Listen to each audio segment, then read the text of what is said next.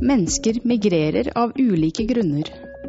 Å få bedre liv, å finne arbeid, å søke beskyttelse, å gjenforenes med sin familie osv. Migrasjonsmønstre endres med jevne mellomrom, og de er avhengige av den politiske situasjonen i verden. Norge har opplevd en økt innvandring fra 1970 til 2014. I dag bor det mennesker fra over 200 land og autonome regioner, og det snakkes over 100 språk.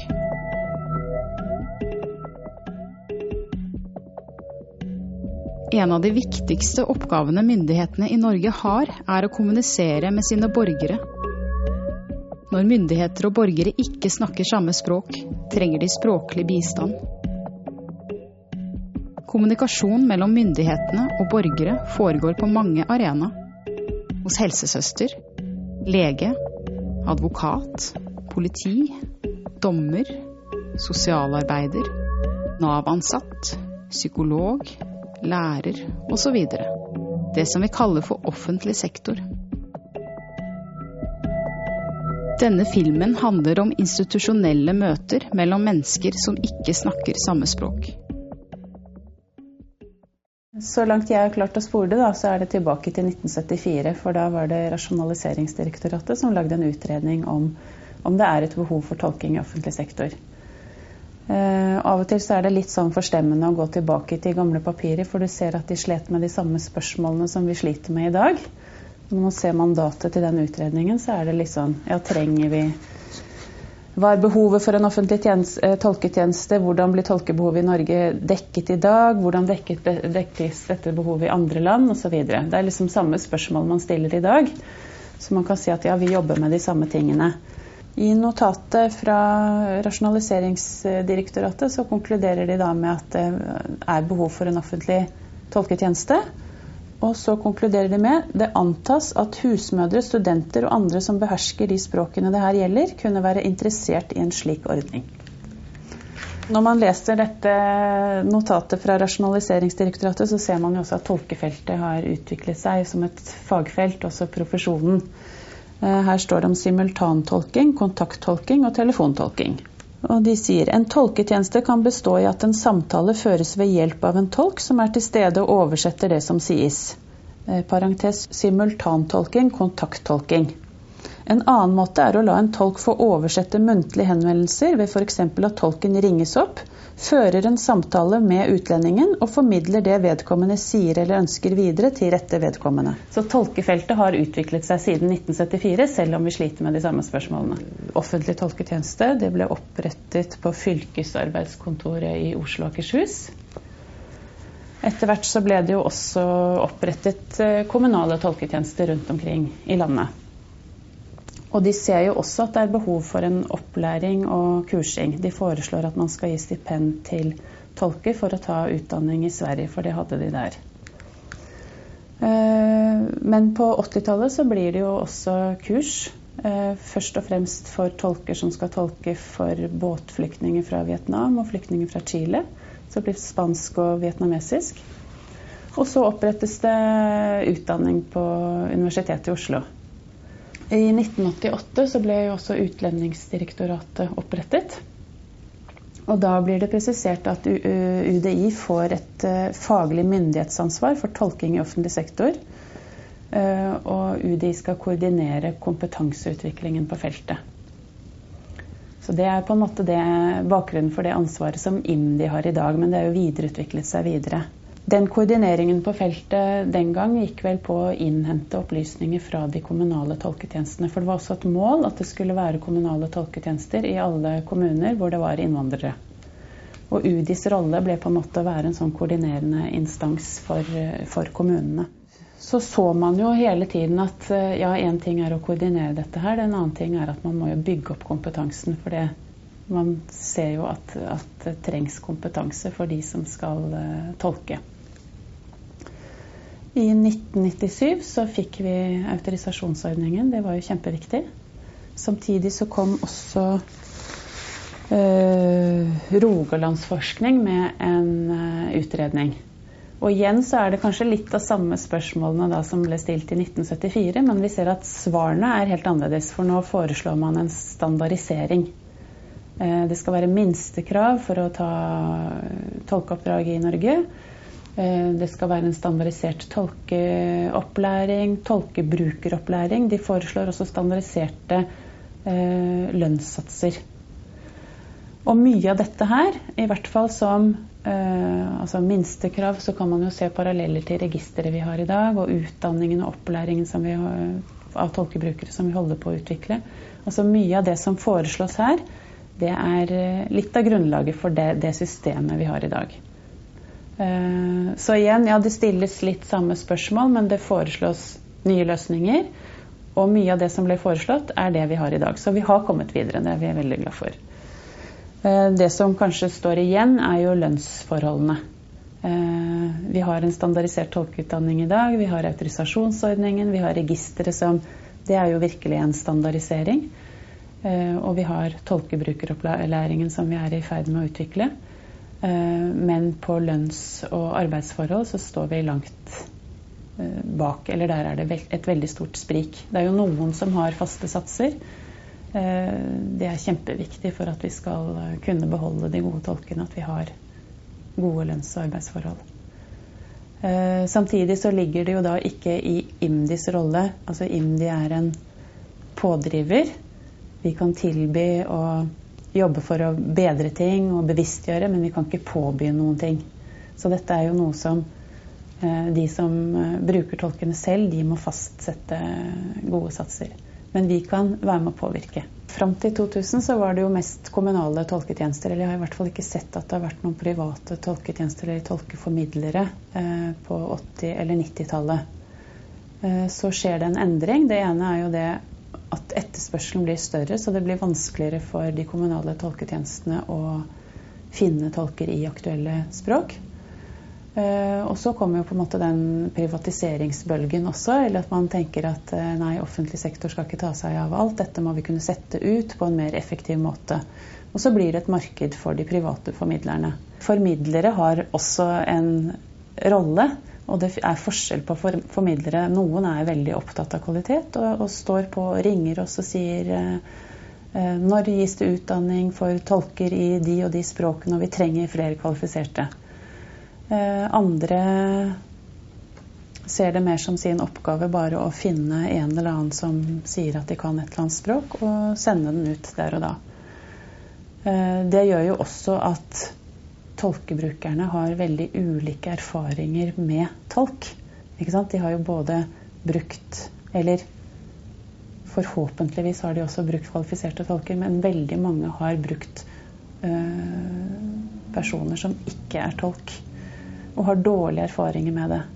Eh, av de private brukerne også, eller altså av tjenestemottakeren, da, så er det jo også mange som kvier seg for å bruke tolk. Fordi at de stoler ikke på tolken, stoler ikke på om tolken beholder taushetsplikten osv. Og, så videre, og kanskje sett også i praksis at det ikke fungerer så bra. I 2000 overtok eh, UDI ansvaret fra politiet for asylintervjuene. Eh, og da, da, hadde man allerede tolkeutdanning og autorisasjon, men det var jo veldig få språk. Så UDI ser at her er behovet mye større enn det de klarer å dekke. Så de må eh, lage et minstekrav for de som skal tolke i asylintervjuene. Og da utvikler de dette som kalles for tospot, eller tospråklig sjekk for potensielle tolker. Eh, det er en veldig enkel test. Vi pleier å si at det er en gloseprøve, og vi sammenligner det med en synstest for piloter. Eh, den skal ikke godkjenne noen som tolk, men eh, målet er at den skal underkjenne de som ikke skal jobbe som tolk. Ut fra tanken om at du må ha en tospråklig kompetanse for å kunne tolke. Hvis du ikke har de tospråklige ferdighetene, så skal du ikke tolke. Så det er Hovedmålet med den testen er å skille ut de som ikke skal tolke i det hele tatt.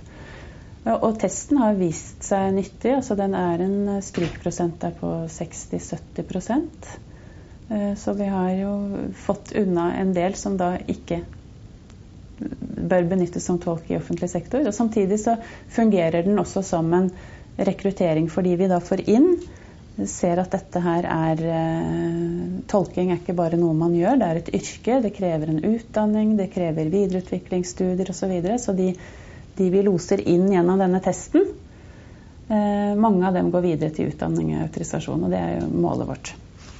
Integrerings- og mangfoldsdirektoratet ble opprettet i 2006. Eh, det ble opprettet da fra en avdeling i eh, UDI, som var integreringsavdelingen. Så ble vi til et eget direktorat.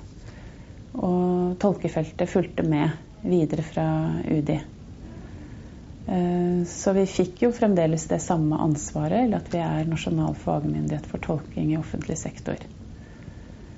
Eh, jeg tror det er bra det at vi er plassert i et direktorat, at vi har dette fagansvaret. Altså at vi også har muligheter til å påvirke politikken eller politikkutformingen ved å gi faglige innspill til departementet.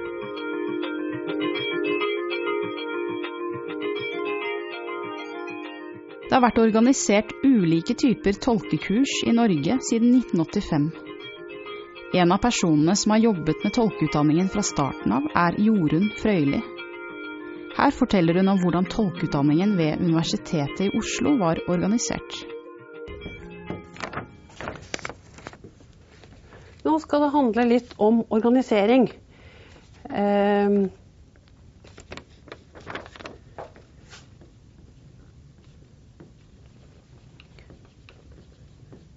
fremmøtebasert undervisning.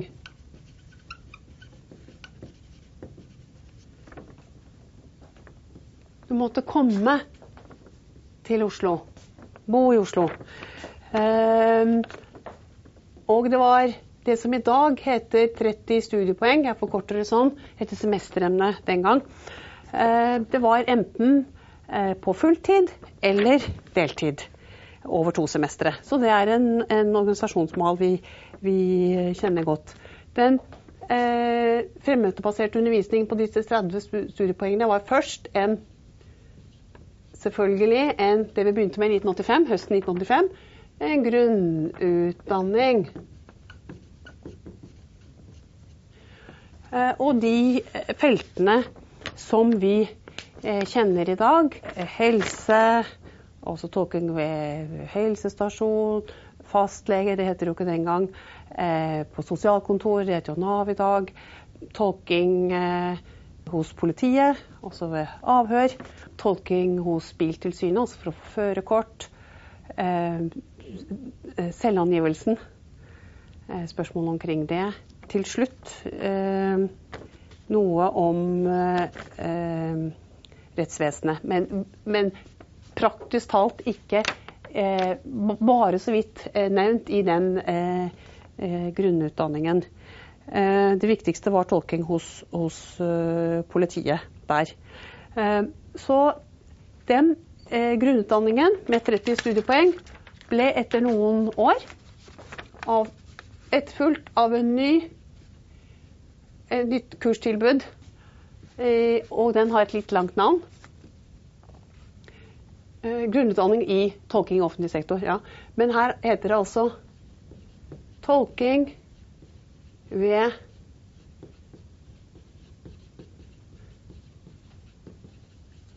Tolking ved psykososiale tjenester.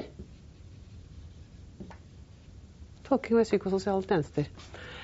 Fram til vi begynte med bachelorstudiet i fire år før dette, i, altså fram til 2003, så var det disse to kurstypene som vi, som vi vekslet med å ha utdanningstilbud i. Eh, Til sammen eh, i disse språkene, i, i, disse to kursene, var det eh, tolv eh, skal vi kalle det tolkespråk. Språkpar heter det egentlig. Tolv tolkespråk. Noen av disse var gitt to ganger.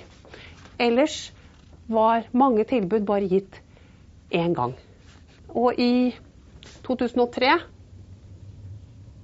til 2007 så kom bachelorstudiet bachelor, bachelor i tolking. Og det er jo 180 studiepoeng og tre år. Og vi kjørte to studentkull. Det første var eh, russisk-norsk. Russisk-norsk, NO så for norsk. Og så var det spansk-norsk. Hvilke språk eh, var det? Tyrkisk, spansk, polsk, finsk, vietnamesisk, urdu, hindi, persisk, arabisk, bosnisk, kroatisk, serbisk, albansk og russisk. Hvilke fag var viktig, og hvordan er vinklingen mellom mellom teori og praksis. Det er viktig. Eh, veldig mye teori, nesten like mye praksis. Eh, praksis betyr tolkeøvelser.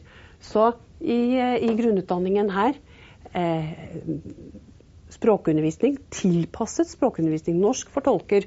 Og, eh, og det aktuelle tolkespråket, det være seg arabisk eller tyrkisk eller polsk eller vietnamesisk.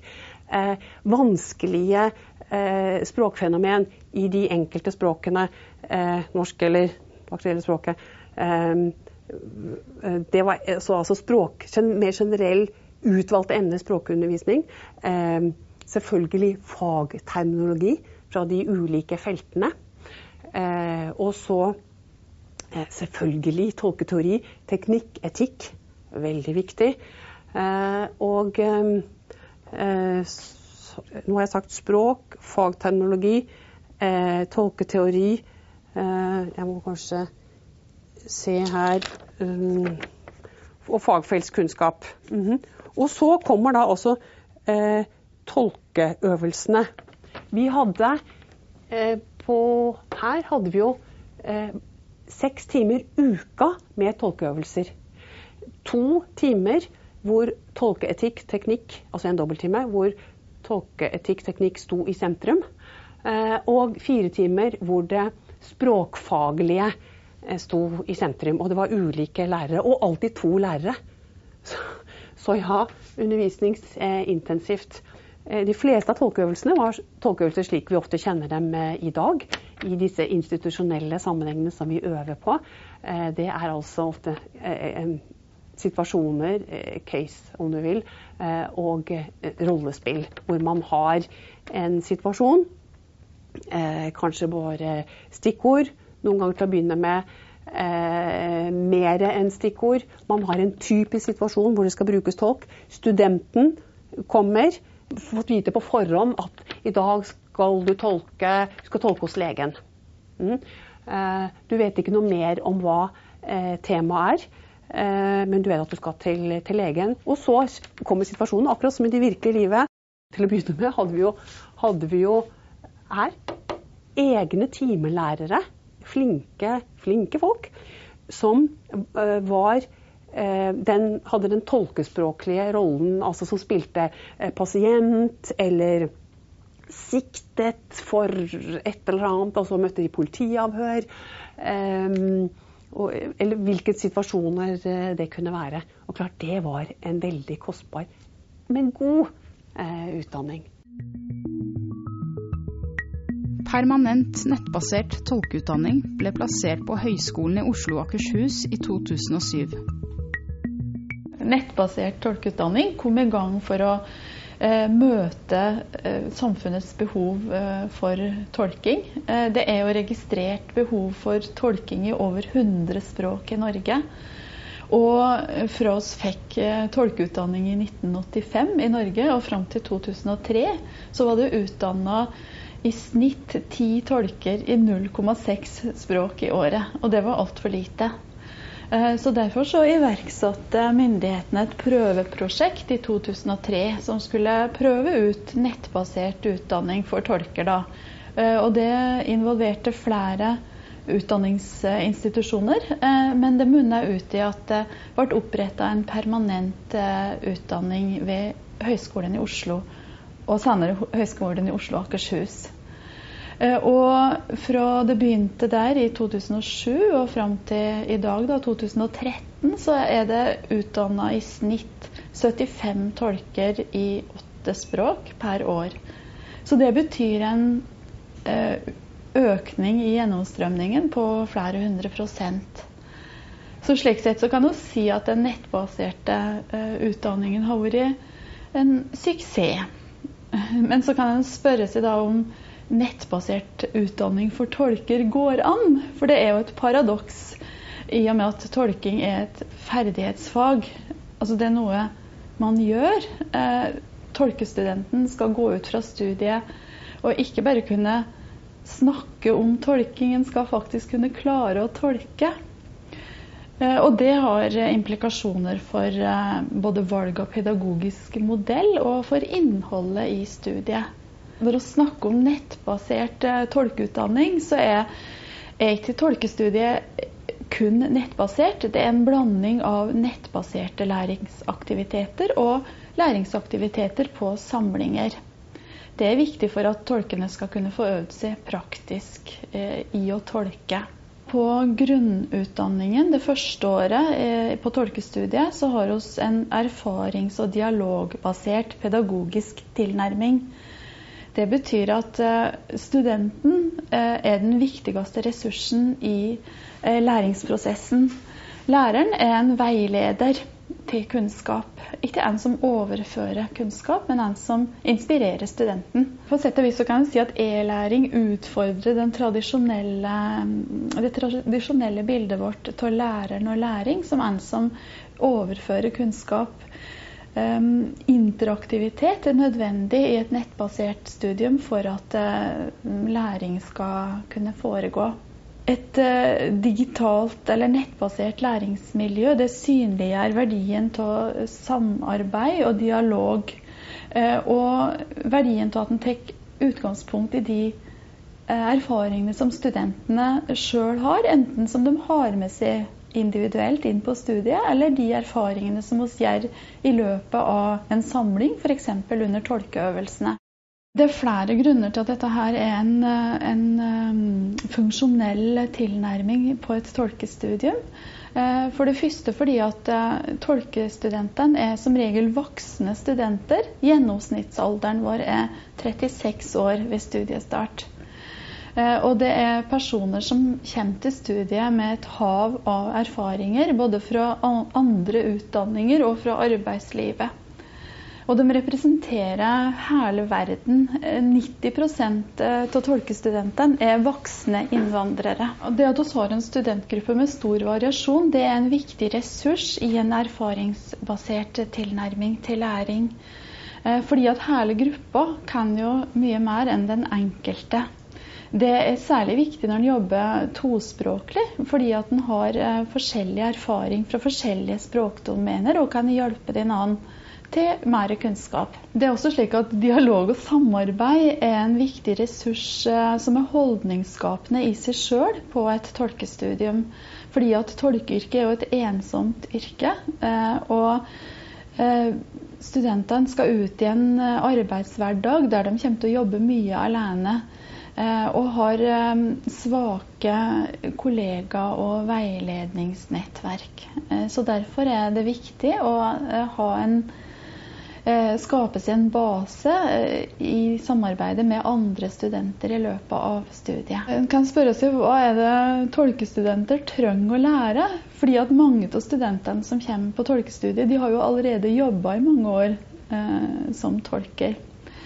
Eh, men studiet er konsentrert rundt fire emnekretser. Den første kan vi kalle tolkens ansvarsområde. Det handler om etikk til yrkesetikken og profesjonalitet eh, i tolkeyrket, i tolkefunksjonen, eh, når en da opererer i offentlig sektor.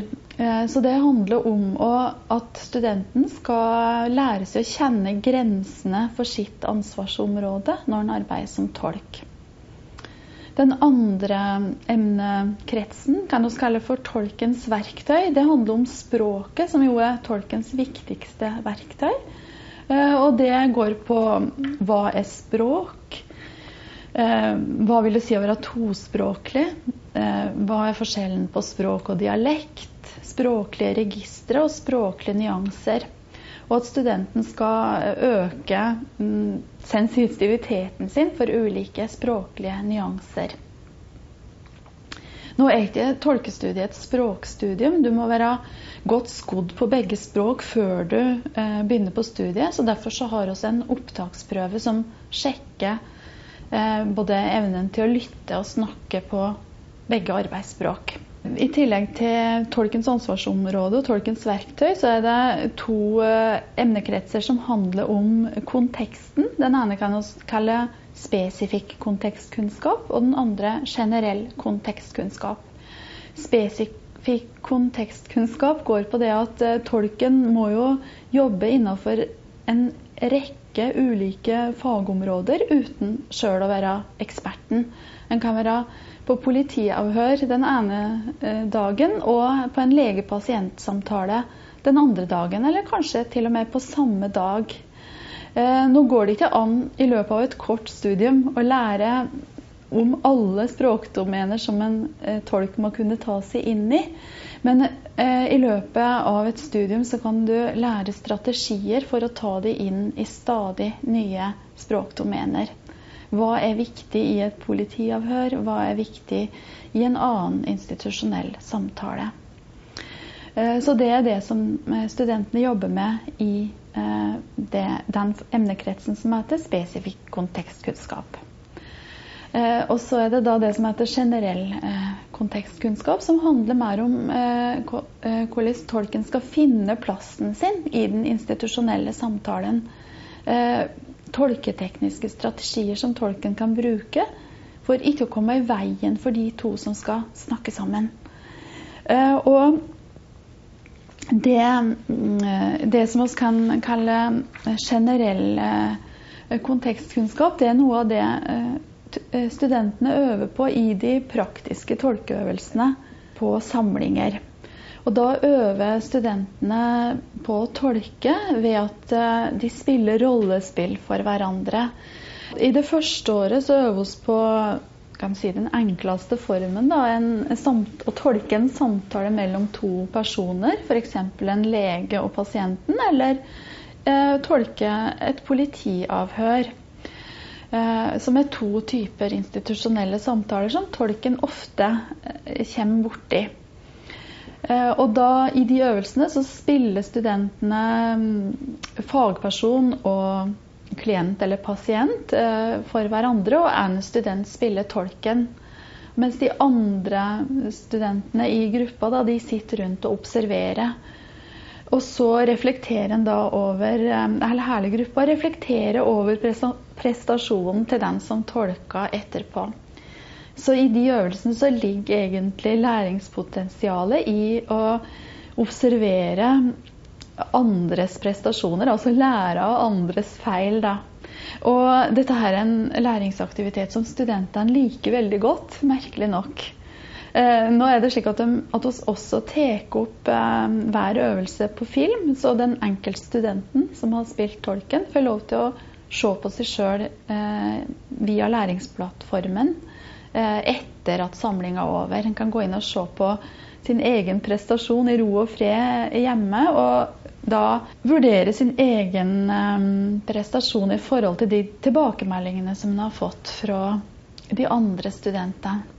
Og det som en da, eller det som en diskuterer, reflekterer over i, etter de øvelsene, det er jo både tolketekniske strategier. altså F.eks. kan tolken avbryte den som snakker hvis den snakker for lenge. Kan tolken be om oppklaringsspørsmål hvis det er noe som er uklart for tolken. Så den som snakker, må gjenta. Eh, og en ser også på det språklige, eh, om tolken er oversatt til riktig eller godt nok. Og så blir det da ofte diskusjoner rundt eh, hva som er den beste oversettelsen. I en, en bachelorutdanning som, som, er under utvikling ved Høgskolen i Oslo og Akershus, så blir det da utvikla påbygningsmoduler der studentene kan gå dypere inn i de emnekretsene som vi har hatt på grunnmodulen, og utdype de temaene, altså tolkens ansvarsområde, tolkens verktøy. Og samtidig lære seg flere strategier for tolking i ulike settinger. Det kan være f.eks. tolking av monologer, eh, som er en påbygningsmodul. Eh, og der tolken må læres å bruke andre strategier enn det som er naturlig i en tolking av en samtale mellom to personer. Der det jo er naturlig å veksle på å ha ordet eh, ganske ofte, og ikke så stort behov for, for notatteknikk. Eh, det er også slik at mange av våre studenter allerede tolker mye via telefon, og kanskje også via videokonferanseutstyr, skjermtolking. Så det blir en annen påbygningsmodul, fjerntolking, som nå er under utvikling. Jeg skal snakke litt om eh, forskningen knyttet til eh, tolking her på Høgskolen i Oslo og Akershus. Og det dreier seg da om eh, den forskningen som har vært gjort om talespråksforskning. Vi er tre vitenskapelige ansatte ved Høgskolen i Oslo og Akershus som eh, også har forskning knyttet til vår stilling. Og det er per i dag Hanne Skåden, Tatjana Fellberg og meg selv, Anne Birgitta Nilsen. Vi forsker på asylintervjuer i UDI. Tolking for barn er et annet uh, tema. Og tolkebrukeropplæring har vi også hatt noe forskning på. Det som kjennetegner tolkefaget og tolkeforskningen, er at den er eh, tverrfaglig.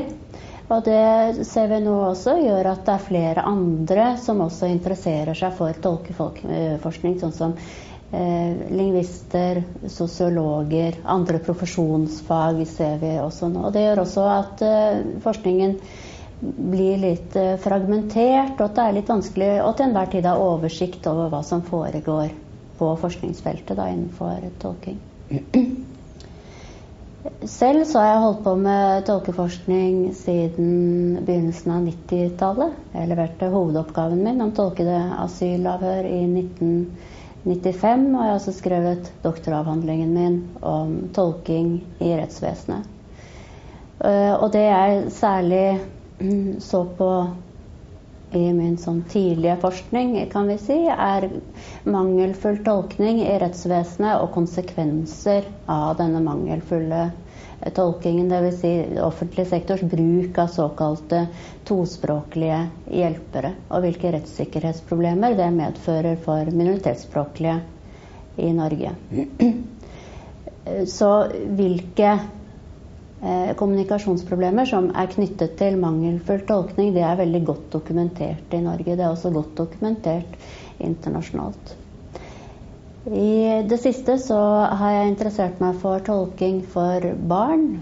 Og spørsmålet jeg har vært opptatt av, var i første omgang i hvilken grad kan små barn delta i tolkemedierte samtaler. Og for å få svar på det spørsmålet, så satte vi opp noen eksperimenter med små barn. Vi satt dem i tolkede samtaler der disse små barna skulle snakke med en person hvis språk de ikke forstår, gjennom en tolk. Eh, så filmet vi dette her, og har da analysert disse filmene ved hjelp av eh, samtaleanalytiske og diskursanalytiske metoder. Og det disse filmene viser eller antyder, er at det å tolke for små barn skiller seg ikke vesentlig fra det å, tolke for voksne. Og vi så etter hvert at det som var kanskje mest interessant ved disse filmene, var i grunnen ikke hva barna gjorde, fordi at de gjorde som de voksne gjorde. Det som var mest interessant å se, var hva tolkene gjorde, og på hvilken måte tolkene bidra til at disse samtalene skulle lykkes, da, i den forstand at partene skulle være i stand til å utveksle informasjon. Så typisk for mye av den forskningen som vi har gjort her ved tolkeutdanningen, er at våre forskningsspørsmål kommer fra forskningsfeltet. Dette feltet tolking for barn er noe som er utviklet i samarbeid med tolker eh, på feltet, og også tolkebrukere. Tolkene har vært med på å sette i stand disse eksperimentene vi har gjort, og vi har gjort intervjuer med eh, tolkebrukerne. Og det tror jeg også oppsummeringsvis vi kan si at den forskningen som vi gjør her ved tolkeutdanningen, den er veldig nært knyttet til praksisfeltet. Og det tenker vi at det er viktig for at forskningen skal bli god.